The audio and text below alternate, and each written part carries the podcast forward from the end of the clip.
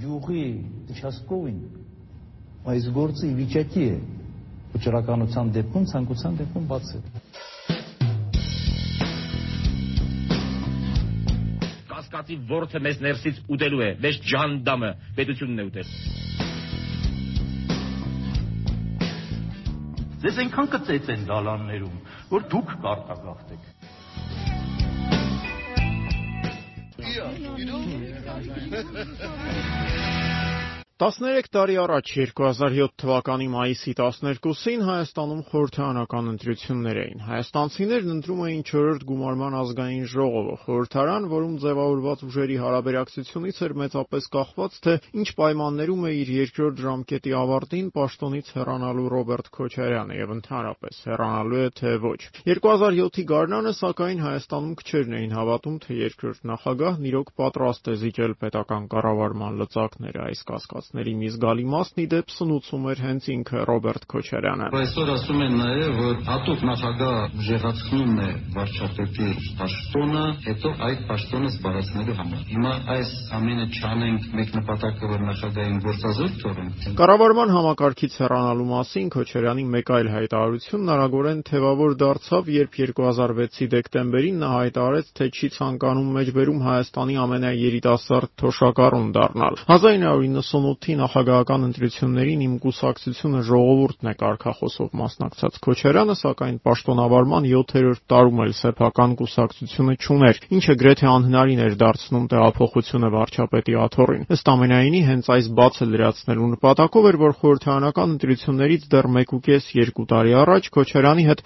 սերտ կապեր ունեցող պաշտոնյաների ու գործարարների շրջանում կուսակցաշինության տենդագին եւ գրեթե միաժամանակյա մի գործընթաց սկսվեց արագորեն վեր վերածվելով ներապարատային սուր մրցակցության։ Այսօր քչերն են հիշում, բայց 15 տարի առաջ սեփական կուսակցություն ստեղծելու հավակնություններ ուներ այն ժամանակվա գլխավոր դատախազ Նիգապարան հայրենակցական միության պատվավոր նախագահ Աղվան Հովսեփյանը։ Նրա շրջապատն ակտիվորեն լծվել էր միավորում հանուն Հայաստանի կուսակցության ձևավորման գործին։ Նույն ժամանակահատվածում գրեթե նույն գործով էր զբաղված նաև նախագահի աշխատակազմի ղեկավար Արտաշես Թումանյանը, բարձրաստիճան այս պաշտոնյայի հովանավորությամբ ձևավորվող, բայց այդպես էլ չստեղծված կուսակցությունը պետք է կոչվեր Նոր երկիր։ Խորհրդարանական ընտրություններից մոտ 1 տարի առաջ, սակայն 2006-ի փետրվարին այս բոլոր կուսակցական պրոյեկտները, որոնց գլխավոր նպատակը նախագահ Քոչարյանի քաղաքական ծրագրերին ծառայելն էր, բառացիորեն մեկ օրում դադարեցվեցին, բացի մեկից։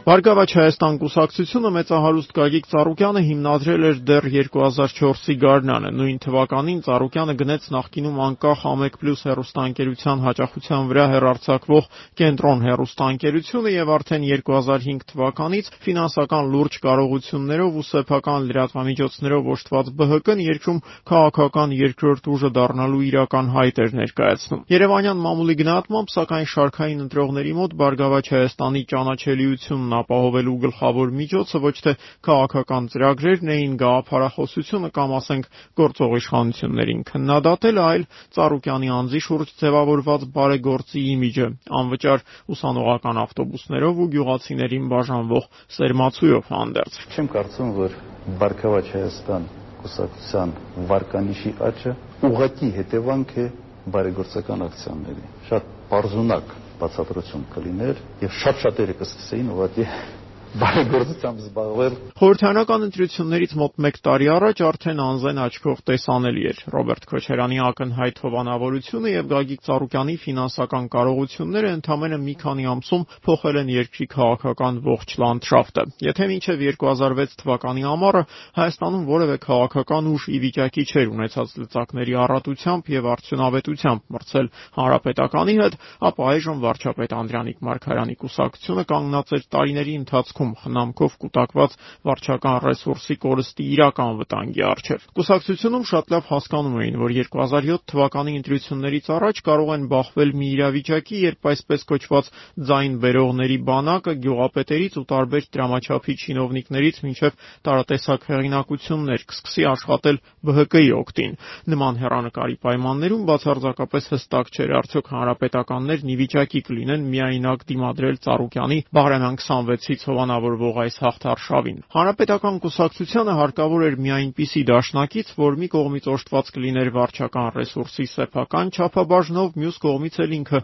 որևէ ազդեցիկ կուսակցության անդամակցելու սուր կարիք կզգար։ 2000-ականների կեսերին Հայաստանում այդպիսի միայն մեկ գործիչ կար՝ պաշտպանության նախարար Սերժ Սարգսյանը։ Հանրապետականները պաշտպանության նախարարին իրենց կողմը գրավելու համար ոչ միայն պատրաստ էին շտաբ կարգով փոխել կուսակցության կանոնադրությունն, այլև ընդհատել երկար սպասված արձակուրդը ՀՀԿ արտահերթ համագումարը հրավիրելով քաղաքական մեռյալ սեզոնի կիզակետում 2006-ի ամռանը։ Հանրապետական կուսակցության համագումարի մանրամասները Ազատության 2006 թվականի հուլիսի 22-ի եթերում ներկայացնում էր Ռուզան Խաչատրյանը։ Վարչապետ Անդրանիկ Մարգարյանը մի պահ արտահերթի փոխարեն արտակարգ համագումար էր ուզում ասել, բայց այդպես էլ կար։ Հայաստանում որևէ այլ կուսակցության համագումարի այդքան մեծականակ իշխանավորներ չես տեսնի։ Երբ համագումարի ավելի քան 700 պատվիրակներն ընդունեցին կուսակցության ծրագրի ու կանոնադրության փոփոխությունները, 70 հոգանոց խորհրդի հին ու նոր անդամներն անցան փակնիստի, որից հետո Անդրանիկ Մարգարյանը հայտարարեց. կողմից առաջարկվեց Սարսան խորհրդի նախագահ Սարսան նախագահի ձևականի պաշտպանում Սերժ ձևականությունը, որը խորհրդի կողմից հաստատվեց միաձայն։ Կանոնադրությամբ Սերժ Սարգսյանն Անդրանիկ Մարգարյանի առաջին տեղակալն է կուսակցությունում։ Լիազորված է պաշտոնական հայտարարություններ անելու, ինչպես մյուս տեղակալները։ Վարչապետին լրագրողներից մեկը հարցրեց, թե արդյոք Սերժ Սարգսյանը մեջբերում եմ հանրապետականի ներսում դրված ական չէ։ Ական է Սերժ Սարգսյանը ատոմային ռոլ։ Եթե կատակ եք անում, շատ անհաջող կատակ եք անում։ Ինչ վերաբերում է հարցին, թե ով է իրականում ղեկավարում կուսակցությունը, փորձենք համագումարի շարքային ու ոչ շարքային պատվիրակներից հարցնել։ Կուսակցության ամենահին հիմնադիր անդամներից Հասմիկ Նավասարդյան, Աշոտ Նավասարդյանի այրին։ Սերժ Սարգսյանը եւ Անդրանիկ Մարգարյանը պետք է համագործակցեն, այլապես Աստված կբարկանա։ Անկուսակցական գրող հրապարակախոս Մերուժան Տեր-Գուլանյան։ Ես ուրախ կլինեի, որ երկուսն էլ լինեին։ Մերուժան Տեր-Գուլանյանի այս ցանկությունը սակայն հեշտությամբ կատարվողներից չէր։ Իշխող կուսակցության ղեկը հայտնվել հանդիպել էր երկու ազդեցիկ գործիչների, այդ պահի դրությամբ ամենաերկար պաշտոն ավարած վարչապետ Անդրանիկ Մարգարյանի և ուժային բոլոր կառույցները հերթով ղեկավարած Սերժ Սարգսյանի ձեռքերում։ Մարգարյանի աջակիցները հիմնականում այսպես կոչված հին հանրապետականներն էին, Սերժ Սարգսյանը կուսակցություն էր բերում Ազգային ժողովի՝ իր կողմից վերահսկվող պատգամավորներին, դրանք հիմնականում մեծամասնականով ընտրված գործարարներ էին։ Նման պայմաններում, սակայն, գոնե 2006-ի երկրորդ կեսին կուսակցությունը երկիշխանության ակնհայտ դրսևորումներից կարողացավ խուսափել։ Ավելին Սերժ Սարգսյանի հանրապետականացմամբ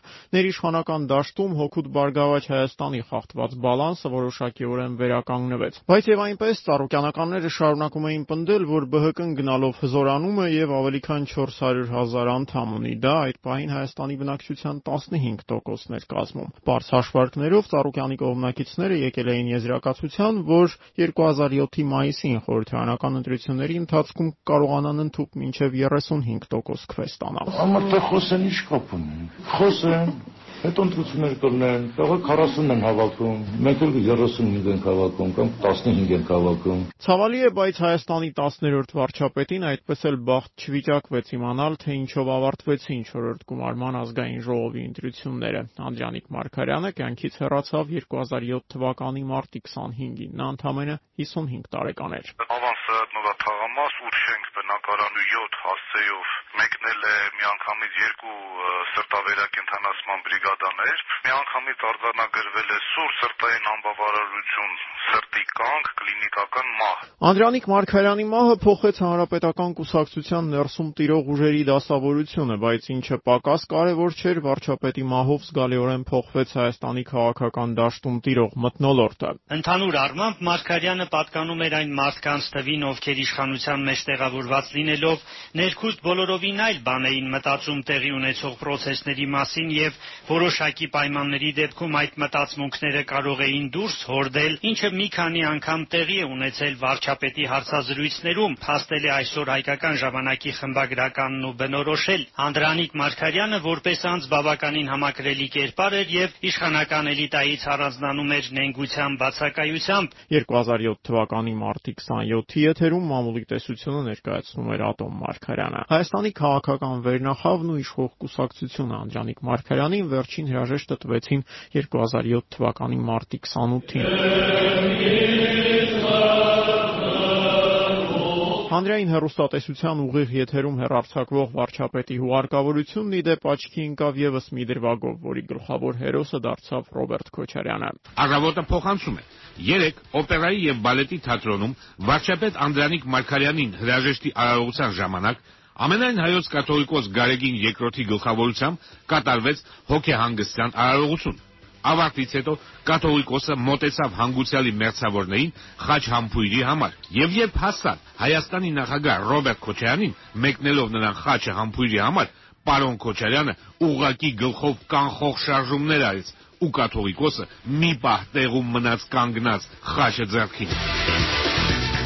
Ազատության 2007 թվականի մարտի 29-ի եթերում մամուլի տեսությունը ներկայացնում էր Արմեն Դուլյանը։ Անդրանիկ Մարկարյանի մահից 10 օր անց Հայաստանի վարչապետի պաշտոնը զբաղեցրեց Սերժ Սարգսյանը։ Առաջին անգամ երրորդ հանրապետության պատմության 16 տարիների ընթացքում Հայաստանի թե նախագահը եւ թե վարչապետը համերկրացիներ էին, երկուսն էլ Լեռնային Ղարաբաղից։ Առաջին անգամ երրորդ հանրապետության պատմության մեջ իշխող կուսակցությունը ընտրություններից ընդամենը 40 օր առաջ զրկվում էր համամասնական ցուցակի առաջին հորիզոնականը զբաղեցնող գործչից ստիպված լինելով հնդածս փոխել քարոզչական ողջ մարտավարությունը։ Բարգավաճ Հայաստանում քարոզարշավի մեկնարկից առաջ իրավիճակն անհամեմատ ավելի հանդարտ էր դատելով մամուլի որոշ հրապարակումներից նույնիսկ տոնական։ Ժամանակ Երևան Բարգավաճ Հայաստանի համագումարից հետո կուսակցության քաղաքական խորհրդի անդամները իրենց համակիրների հետ Օջախ ռեստորանում խնջույք են կազմակերպել։ Հիմնական կենացները բնականաբար նվիրված են եղել Գագիկ Ծառուկյանին։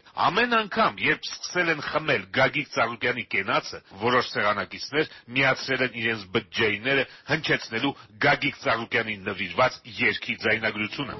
Արյուծի մասին երգում եմ իմ կողմից նվեր,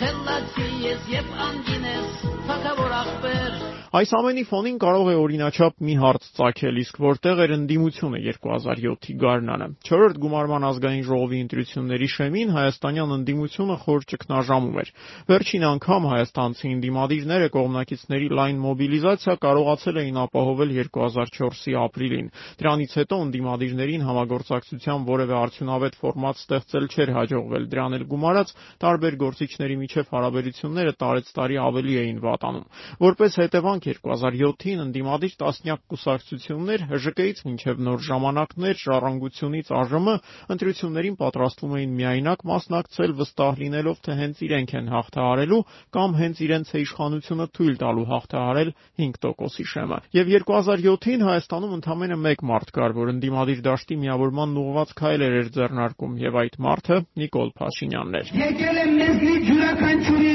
պատասխանատվության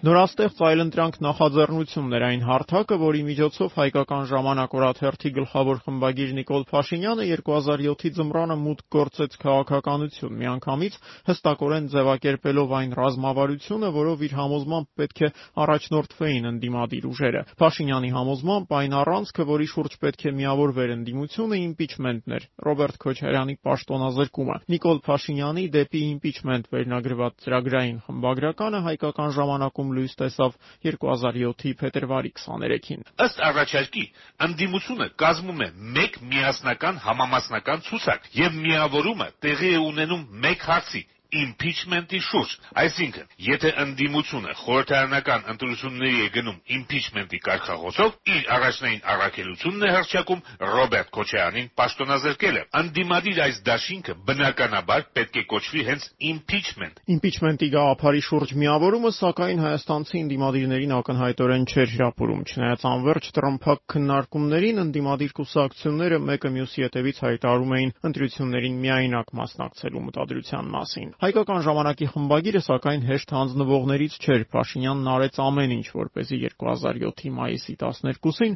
հայ ընտրողները քվեաթերթիկում գտնեն impeachment բառը։ Կենտրոնական ընտրական հանձնաժողովն այսօրվա նիստում գրանցել է նաև impeachment դաշինքը, որում ընդգրկված են ժողովրդական հայրենիք եւ պահպանողական կուսակցությունները։ Իդեպ կենտրոնական ընտրական հանձնաժողովի նախագահ Գարեգին Ազարյանը այս կապակցությամբ փորձել է շնորհավորել դաշինքին, բայց ինչ որ մտավախությամբ դժվարացել է արտաբերել impeachment բառը։ Շնորհակալություն Շնորհակալություն կորիշում ընդունված է, շնորհավորում ենք։ Լավորացում կապի ախր ինչ կապ ունի, ասում, անկարած։ Ազատության 2007 թվականի մարտի 1-ի եթերում կենտրոնական ընտրական հանձնաժողովի նիստի մանրամասները ներկայացնում էր Ռուզաննա Ստեփանյանը։ Հանրությանն ուղված իմպիչմենտի ուղերձը ավելի քան հստակ էր։ Փաշինյանի համոզմամբ 2007-ի ընտրությունները པարզ խորհրդարանական ընտրություններ չէին, դրանք իշխանության վերարտադրության կարևորագույն փուլերից մեկն էին, որի նպատակն էր գծագրել քաղաքական կյանքի այն սցենարը, որ Հայաստանում գործելու էր տարիներ, եթե ոչ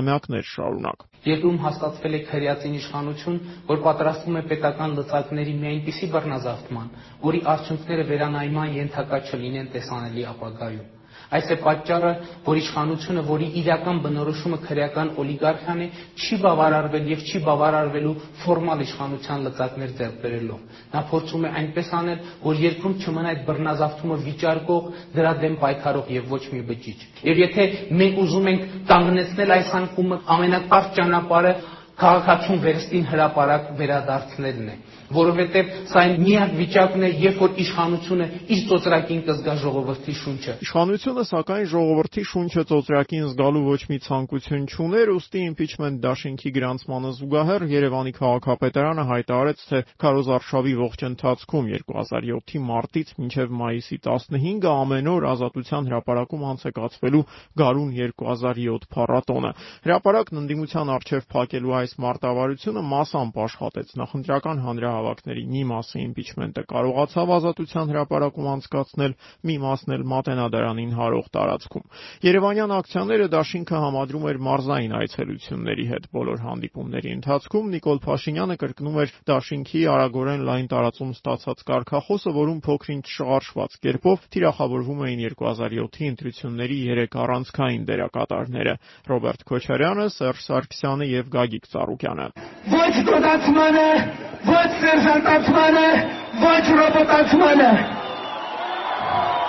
Ընդդիմադիր մյուս ուժերն իրենց հայտարարություններում եւ կարգախոսներում անհամեմատ ավելի զգուշավոր էին։ Ընտրություններին առաջին անգամ մասնակցող Ռաֆի Հովանիսյանը իր ղեկավարած Ժառանգություն կուսակցության քարոզարշավը որոշել էր կազմակերպել արևմտյան տեխնոլոգիաներով գյուղեր ու քաղաքներ, այցելում էր ավտոբուսով, բոլոր նույնիսկ ամենափոքր բնակավայրերում հանդիպումները սկսում էր նույն կերպ հարց ու պատասխանով։ Մեր բավական ժառանգության դեր ենք։ Այո։ Մեր երեխաների հավաքային դեր ենք։ Հարցերի պատասխաններն ի դեպ երբեմն այնքան էլ հաճելի չէին։ Ձեր ընդդիմությունը այսպես համախմբեր,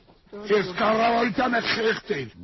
բայց չեք անեմ։ Իմացար։ Չէ, ոչ մեկին պետք չէ խեղդել։ 2007-ին ընդդիմադիր ընտրազանգվածի համար պայքարի մեջ էր մտել նաև ոչ վաղ անցյալում իշխող կոալիցիային մաս կազմող օրինաց երկիրը։ Կուսակցության ղեկավար Արթուր Բաղդասարյանը ազգային ժողովի նախագահի պաշտոնից հրաժարական էր ներկայացրել ընտրություններից ընդամենը 1 տարի առաջ 2006-ի գարնանը։ Որպես հետևանք կուսակցության գլխավոր խնդիրը շարքային ընտրողներին համոզելն էր, որ ՕԵԿ-ն իրոք ընդդիմություն է։ Այս հարցում օրինաց երկրին անսպասելիորեն օգնության Հայաստան ձեռք մեկնեց երկրի ամենաիշխանամետ թերթերից մեկը՝ ռուսալեզու «Գոլս Արմենիին»։ Ընտրություններից մոտ 3 շաբաթ առաջ 2007-ի ապրիլի 26-ին եւ 27-ին թերթը հրապարակեց Արթուր Բաղդասարյանի եւ Հայաստանում Մեծ Բրիտանիայի փոխդեսպանի գաղտնալսված զրույցի ամբողջական սղագրությունը։ Օրինաց երկրի առաջնորդը բրիտանացի դիվանագետին մանրամասնորեն ներկայացնում էր Հայաստանի քաղաքական դաշտում տիրող մթնոլորտը, պատմում Ռոբերտ Քոչարյանի արևմտյան դեսպանների հանդեպ տածած անվստահության մասին մասին Բաղդասարյանն այդ զրույցում նաև չէր բացառել, որ խորհրդարանական ընտրությունները կեղծելու դեպքում երկրում կարող են որոշակի ցնցումներ լինել։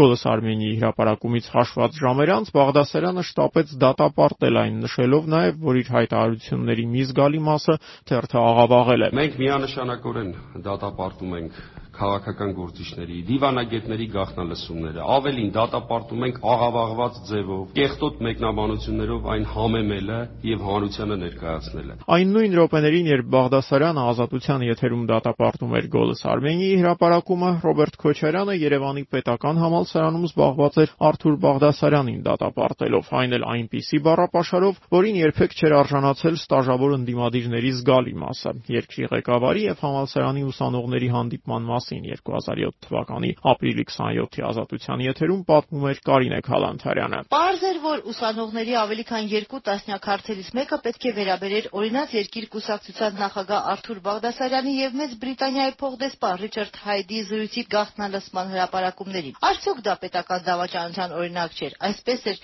իր հարցը ձևակերպել միջազգային հարաբերությունների ֆակուլտետի ասպիրանտ Միհրան Հակոբյանը։ Ինձ համար սա իսկապես դավաճանության դրսևորումն է։ Մեկ անգամ դավաճանողը ընդունակ է դառնել երկրորդ, երրորդ, չորրորդ անգամ։ Իդեպ այս նույն հանդիպման ընթացքում Քոչարյանը խոսեց նաև քարոզարշավի ընթացքից, նշելով, թե ընդհանուր առմամբ դրանից գոհ է։ Ճիշտ է, նրա կարծիքով հերոստայեթերում խոսքի ազատությունը մեջբերում չափից շատ է, իսկ կուսակցությունների հավակնությունները չափից մեծ։ Փորձել եմ այդ տոկոսները գումարել, ստացվել է 370%։ Ոնց են բաժանելու այդ տոկոսները, ես չգիտեմ, Իդեպ այդ 380%-ը առանց հանրապետականի եւ բարգավաճի։ Ինչ վերաբերում է հանրապետականին ու Բարգավաճին, ապա ընտրարշավի առաջատարները 2007-ի ապրիլի վերջին եւ մայիսի սկզբին նախընտրական հանդիպումները անց էին կացնում արդեն լավ մշակված, գրեթե չփոփոխվող սցենարով։ Սերժ Սարգսյանը ընտրողների հետ հանդիպումներին հիմնականում գնում էր միայնակ, այս կամ այն ընտրատարածքում առաջադրված մեծամասնական տեխնացուի ուղեկցությամբ միայն։ Բոլոր հանդիպումների ավարտին Սերժ Սարգսյանն իր պարտքն էր համարում կրկնել ՀՀԿ նախընտրական կարգախոսը, որն ի դեպ Շարլ Ազնավուրի հայտնի երգի բառացի կրկն կրկնություններ։ Քեզ համար Հայաստան, քեզ համար Դավիթաշեն, քեզ համար Հայաստան, քեզ համար Դավիթաշեն, քեզ համար Հայաստան։ Վարչապետի հետ հանդիպումները մարդաշատ էին, այլ հարց է, որ դրանց մասնակիցների մեծամասնությունը պետական հիմնարկների աշխատակիցներ էին, նաև ուսուցիչներ եւ դպրոցների աշակերտներ։ Հանրապետականի նախընտրական հանրահավաքների մասնակիցները չէին էլ թաքցնում, որ դրանց սեփական կամքով չէ, որ մասնակցում են։ Երեխաներին այդպես նախիրի պես ցել ենք առաջներս ու գալիս են։ Բայց ինչ կանեք, ես իրանց երկու դա։ Դերել են այստեղ հիմա ոչ կարան տուն գնամ, ոչ էլ կարամ այստեղ կանգնեմ։ Խափելով բերել որ Սերժ Սարգսյանը կանգնի խոսի, սուտ-սուտ-սուտ խոստումներ տա մեզ։ Աստված է վկա։ Ես հեքիաթներ հորինելու եւ պատմելու սովորություն չունեմ։ Եվ այս պայմաններում ջրի երես են դուրս գալիս քաղաքական ինչ-ինչ ուժեր, որոնք ձեր բարեհաճությունը կորզելու նպատակով խոստանում են միանգամից պաստապատկել ձեր թոշակները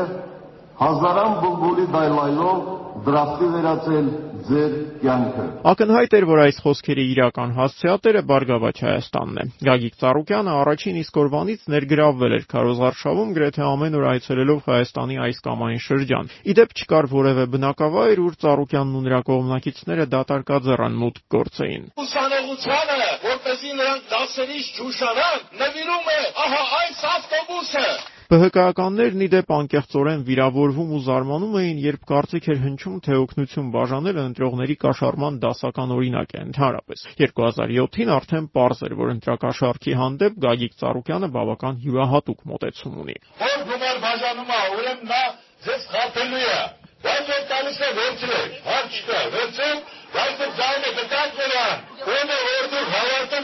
Ծառուկյանի այս հայտարարությունը հնչեց ընտրություններից մոտ երկու շաբաթ առաջ Հրազդանում։ Հենց այստեղ էր, որ առաջին անգամ նկատվեցին ԲՀԿ ապագա անհաջողության առաջին նշույլները։ Պարզ դարձավ, թե որքան արագորեն կարող են փոխվել հանրային տրամադրությունները նույնիսկ առանձին վերծված մեկ քաղաքում։ Հրազդանի հանրահավաքի մասին 2007 թվականի մայիսի 1-ի եթերում պատմում էր Իրինա Հովանիսյանը։ Գագիկ Ծառուկյանին հրազդանցիները դիմավորեցին աղուհացով, եւ մինչ նա մոտենում էր ամբիոնին, մի խումբ մարդիկ չենթարկվելով թիկնապահներին առաջ էին ընկնում նամակներ էին փոխանցում։ Ես պաշտում չեմ ուզում։ Ես այդպես մեկն եմ լինելու։ Ես չինովնիկ չեմ լինելու։ Եվ ինչ պարոն Ծառուկյանն ամբիոնի մոտ էր, տեղեկացան, որ հենց այդ պահին Հրաստան է մտնում նոր ժամանակներ կուսակցության առաջնորդ Արամ Կարապետյանն իր թիմով, որը նպատակ ունի նույն հրաապարակում բարձրանալ նույն ամբիոն եւ բանավիճել Ծառուկյանի հետ։ Հայտնի չէ դրա մասին Բարգավաճ Հայաստանի առաջնորդը տեղյակ էր թե ոչ, սակայն նա իր ելույթը կարճ ամփոփեց եւ հրաժեշտ տվեց հրազդանցիներին։ Քիչ հետո Արամ Կարապետյանը մտավ հրաապարակ։ Եվ թեև քաղաքապետարանն արտոներ էր Արամ Կարապետյանին ժամը 2-ին հանրահավաք անցկացնել այստեղ, սակայն պարզվեց, որ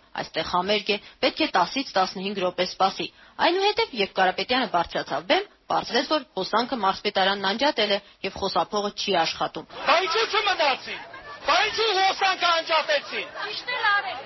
Ճիշտ են արեցին։ Իդեպ սկզբում Ծառուկյանի հանրահավաքին եկածները շատ ագրեսիվ էին տրամադրված եւ դիմում էին. ինչու եկավ, համերգ էինք ուզում լսել, եկավ արյուն պղտորեց, բայց ուշագրավ է, որ հրաապարակը լեփ-լեցուն մնաց Կարապետյանի ողջ հանրահավաքի ընթացքում եւ վերջում նույն մարդիկ սկսեցին նրան ծափահարել։ Մենք սեկտորները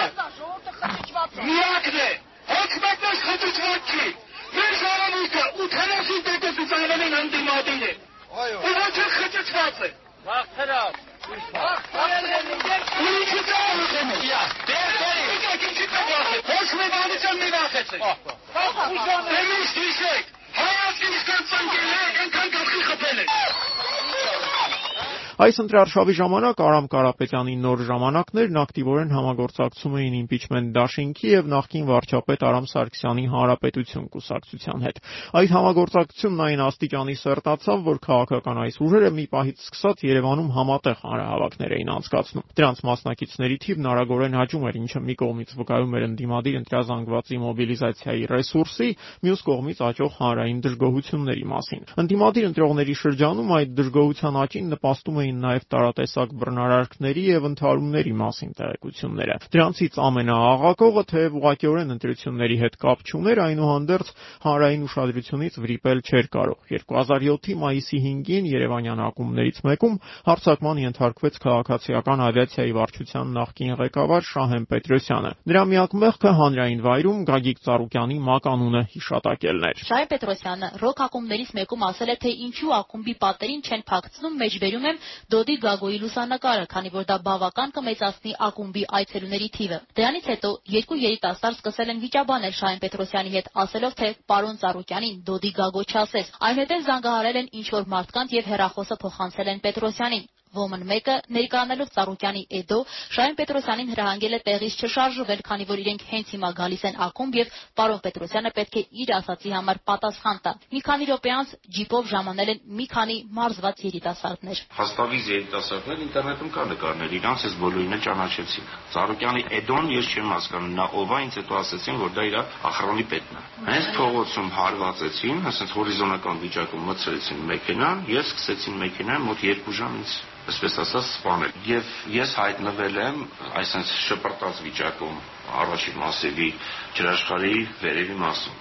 Ամայի տեղ։ հա։ Ընտրություններին մնացել էր ընդամենը մի քանի օր։ Գրքերն ակնհայտորեն թեժանում էին, իսկ իշխանության նյարդերը կարծես սկսել էին տեղի տալ։ Այլ կերպ հնարավոր չէր բացատրել այն հանգամանքը, որ քվեարկությունից ընդամենը մեկ շաբաթ առաջ փողերի լվացման մեղադրանքով ձերբակալվեց նախկին արտգործնախարար Ալեքսանդր Արզումանյանը։ 1996-ից 98 թվականներին արտգործնախարարությունը ղեկավարած Արզումանյանը տարիներ շարունակ ակտիվ քաղաքականությամբ չէր զբաղվել։ Նա միայն ձերբակալությունից մի քանի ամիս առաջ էր սկսել քաղաքացիական անհնազանդության ակցիաներ կազմակերպել։ Այն, որ գործը ակնհայտ քաղաքական բնույթ ունի, པարզ էր թեկուզ միայն այն հանգամանքից, որ քնչական բոլոր գործողությունները իրականացվում էին ազգային անվտանգության ծառայության կողմից։ Անվտանգության ծառայության տասնյակ աշխատակիցներ դրանց են կացրել արդեն խոզարկություն գրասենյակում, հիմա իմ բնակարանում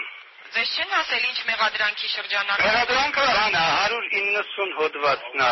109 հոդվածը քրեական օրենսգրքի գումարների լվացման հետ կապված քրեական գործ է հարուցված։ Իսկ իրենք կարող է խոսեն մեզ հետ։ Իրենք իրականացնողները ունեն այդ։ Կարող եք խոսել ազատության հետ։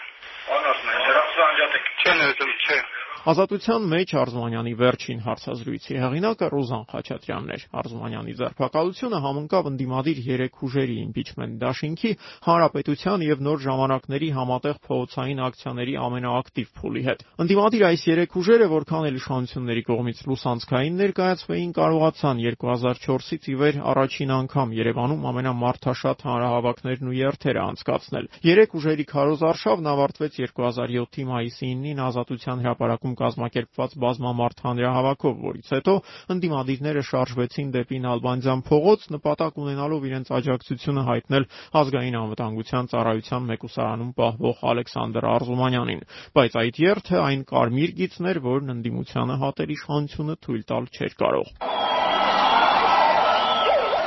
ականատեսների ոստիկանությունը, այդ թվում նաև կարմիր բերետավորները փակել են Նալբանդյան փողոցի մի մասը, ինչի արդյունքում նեղվածք է առաջացել, սկսվել է բրդբրդոց ու ծեծկրտուկ։ Նոր ժամանակներ կուսակցության ղեկավար Արամ Կարապետյանին նույնպես մի քանի հարված են հասցրել։ Եկան հակ միլիցիոներների մոտիկ ասի շատ եմ խնդրում ձեզ, բացացեք մո այդ նորմալ կանցնեն ու այդ պայն իրար մեջ բախում սկսվեց։ Ես սկսեցի գոռալ որ դադարեցրեք, հետ քաշվեք, ժողովրդի նորմալ տանենք ու այդ պահին Պետրոնի գազ մի հատ քթից հարված Ոստիկանների հետ բախումից հետո ցուցարարները հանրապետություն, նոր ժամանակներ կուսակցությունների ղեկավարների եւ իմպիչմենտ դաշինքի հետ երթով շարժվեցին դեպի օպերայի հրապարակ։ Իսկ արդեն օպերայի հրապարակում կուսակցությունների ղեկավարները ողջունեցին ցուցարարներին, ասելով, որ այդ տեսկատուկը ցույց տվեց, որ մարդիկ չեն վախենում։ Նիկոլ Փաշինյան Հաղթանակը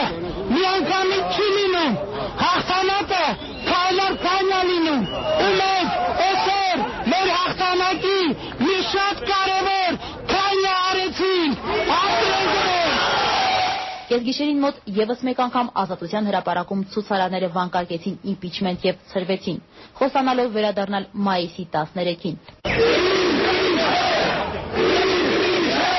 Այսպիսի մթնոլորտում 100 հազարավոր հայաստանցիներ 2007-ի մայիսի 12-ին գնացին տեղամասեր 4-րդ գումարման խորհրդարանն ընտրելու։ Քվեարկության մեկնարկից հաշված ժամեր անց արդեն པարզ էր քվեարկողներից շատերի համար սա ընտրություն է ոչ թե քաղաքական ուժերի, այլ ամենալավ ընտրակաշառքը բաժանողի միջև։ 2007 թվականի մայիսի 12-ին Վանաձորի փողոցներում տիրող տրամադրությունների մասին պատմում էր Կարինե Սիմոնյանը։ Թիվ 31 ընտրատարածքում հանրապետական կուսակցության կողմից առաջադրված Կարեն Սարիբեկյանի շտաբի աշխատակից Նանոն ընտրատարածքի երկրորդ տեղամասի մոտ կռվի էր բռնվել ընտրողներից մեկի՝ Տիկին Անժիկի հետ։ Չի կարելի Անժիկ տոտա։ Ես լավ կողմ չեմ ստացել եկարնիկա։ Ինչ ա եղել։ Այսինքն փաստորեն առավոտը մի անգամ եկել անդրության, ես իմ ումից հափողվել կալը, հիմա կեր ես բերել եմ աշխատողին, որ պետք է ընտրի, ասում չեմ մտնում, ասում ո՞նց չես մտնում։ Ես բանը փող առավոտը վերեմ կալը ընտրել եմ։ Դե տար փող է հետո, բայց ինչես եկել երկրորդ անգամ ընտրության այդ զիբիլներ։ 2000 դրամ հենց մի հետ էստարու քուտեղում շմարթ հանտրելու։ Հա, Անժիկ տոտա։ Հենց մի։ Ձենը քցիլմի։ Վանաձորի թիվ 2 թաղամասային հիմնարկի մոտ շուրջ 50 ընտրող էր հավաքվել։ Հիմնարկի ցուցանակի կողքին հանրապետական կուսակցության դերոշն էր։ Դուրը փակ էր, բայց մարդիկ ամառորեն չէին հեռանում։ Ոչ մի հետ չենք սպասում։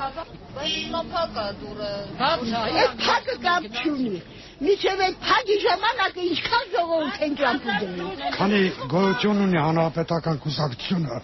Հայաստանում հնարավոր չի արդար ընտրություններ անցկացնել։ Հատուկին չեն կանչել լսել է, որպեսզի փող բաժանեն։ Մեզ բան անել տվեցին, ըստացան։ Խեր խափում իր զորտեղը։ Այո, մատված խափում են։ Հմիեր դժգոհությունն են չում աչ հասկացա։ Եթե տալիս են պետքա բոլորին էլ տան, ոչ թե ուղղակ են ընտրության խափեն գումարը չտան։ Չի հանրապետական այդքան գումարներ բաժանում։ Համաձայն չէ որ այդ կերտը մեր մեջ է։ Եթե մենք մաքուր էինք, ընտրած բրծած մեր տներ եմ կզեինք։ Գրեթե նույն իրավիճակն էր Գյումրիում, այստեղ եւս խոսակցությունների գլխավոր թեման երկար սպասված ընտրակաշառքներ։ Փողը տվել են ու գնացել են գողդուց։ Սուսանը Համլետը Քիչ անց տարածքում հայտնվեց Տիկին Ռիտայի նշած Համլետը ու իրար հետ սկսեցին վիճել։ Համլետը դու չես։ Ընդ օրեգա գրանցման հարցով։ Սուսան, հա։ Բարգավաճից գնա Բարգավաճը Ինչ Բարգավաճ։ Բարգավաճ Հայաստանից ես քեզ ինչի պիտի կերեմ հանրապետական։ Խելար է։ Հետո դու ով ես քեզ կերեմ։ Դու ինքը ծեցիս 10 մանետ տադի տանկի։ Ո՞վ ես։ Դու հետ։ Չես անջնա։ Չեմ անջնա։ Այդ նույն տեղամասի բակում խմբված տարեց մարդկանց էլ տեսա մոտեցա թե ինչի են սպասում։ Շատերն արագ հեռացան, իսկ Տիկին Մարուսյան նշեց, որ Եկա ընտրի։ Հիմի սպասում եմ որ դա։ քվեարկել եք։ Հա։ Զարգացած Հա։ չէ։ Դելեն կտամ։ Ամոչ չտան։ Այդ չտեղին իջնի։ Իրանց գլուխն է։ Տիկին Մարուսյան մի քանի ժամ անց կրկին տեսա նույն տեղամասում խոստացված գումարը դեռ չէր ստացել։ Գյումրիում ընթացող ընտրությունների մասին Ազատության 2007 թվականի մայիսի 12-ի եթերում պատմում էր Սաթենիկ Կաղզվանցյանը։ Երևանում իրադրությունը եւս այնքան էլ հանդարտ չէր քվեարկության օրվա թերևս ամենալուրջ բախման գլխավոր հերոսները դարձան դաշնակցականները։ Հայտնաբերեցինք, որ կրկնակի ընտրություն է անում այդ երեխան դաշնակների։ Վերցրեցի, պատրեցի, անվավեր համարեցի, ինքը փախավ։ 15 րոպե հետո մի ամբողջ մտավ դպրոց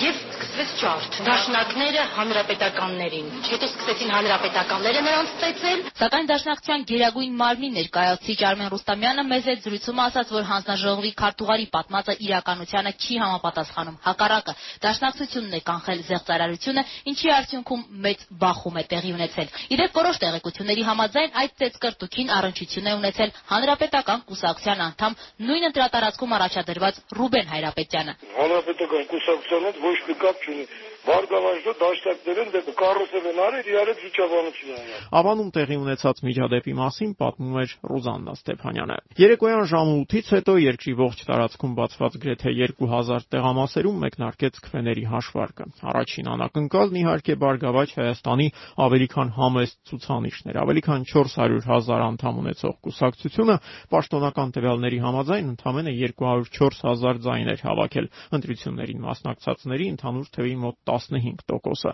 Քվեների մոտ 34%-ով առաջին տեղում էին հանրապետականները։ Մյուս անակնկալի հեղինակը Ռաֆի Հովանիսյանի ժառանգությունն էր։ Այն ոչ միայն հաղթահարեց 5%-ի շեմն, այլև հաջողացրեց Երևանում երրորդ տեղը զբաղեցնել, գրեթե նույնքան ձայն հավաքելով, որքան Բարգավաճ Հայաստանը։ 4-րդ գումարման խորհրդանում ներկայացված լինելու իրավունք ստացան նաև Դաշնակցությունը քվեների ավելի քան 13%-ով եւ օրինաց երկիրը, որի օկտին 2007-ին հայաստանցի ընտրողների 7%-ն էր քվեարկել։ Ամենահիշվող եւ դինամիկ ընտրարշավն անցկացրած ընդդիմադիր 3 ուժերը համատեղ հանրահավաքներ հravirող, բայց ընտրություններին առանձին մասնակցած նոր ժամանակները իմպիչմենտը եւ հանրապետությունը 5%-ի շեմը հաղթահարել չկարողացան։ Միասին վերցրած, սակայն քաղաքական այս ուժերը ավելի քան 86000 քվե ստացան, ինչը նշանակում էր, որ այս ընդդիմադիրներն իրենց նվազագույն նպատակին հասել են։ Փողոցային պայքարի հակված քաղաքացիների կորիզը երկրում ձևավորվել է։ Ընդդիմադիր 3 ուժերն ընտրություններից հետո եւս պայքարի փողոցային մեթոդներից չէին հրաժարվում։ Մայիսի 13-ին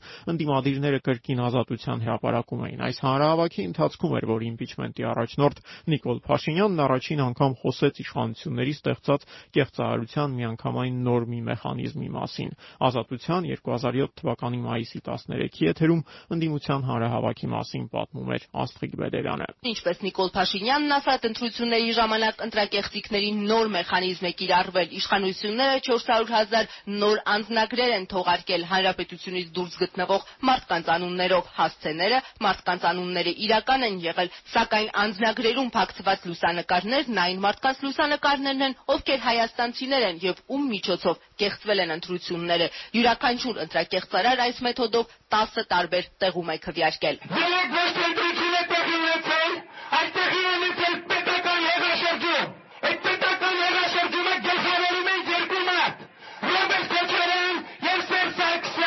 Ստեղծվել է ընտրակեղծիքների հավերժական մեխանիզմ, որը եթե չջարդվի, կշարունակվի կիրառվել ժողովրդի նկատմամբ նաև նախագահական ընտրությունների ժամանակ։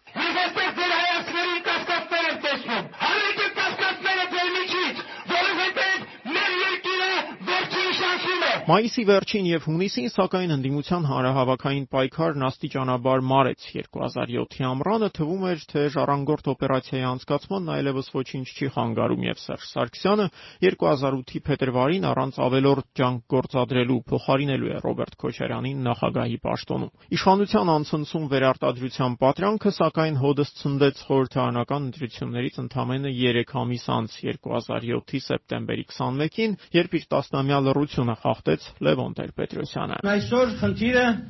այս համակարգը կազմականդելու, այս համակարգից ազատվելու խնդիրն է։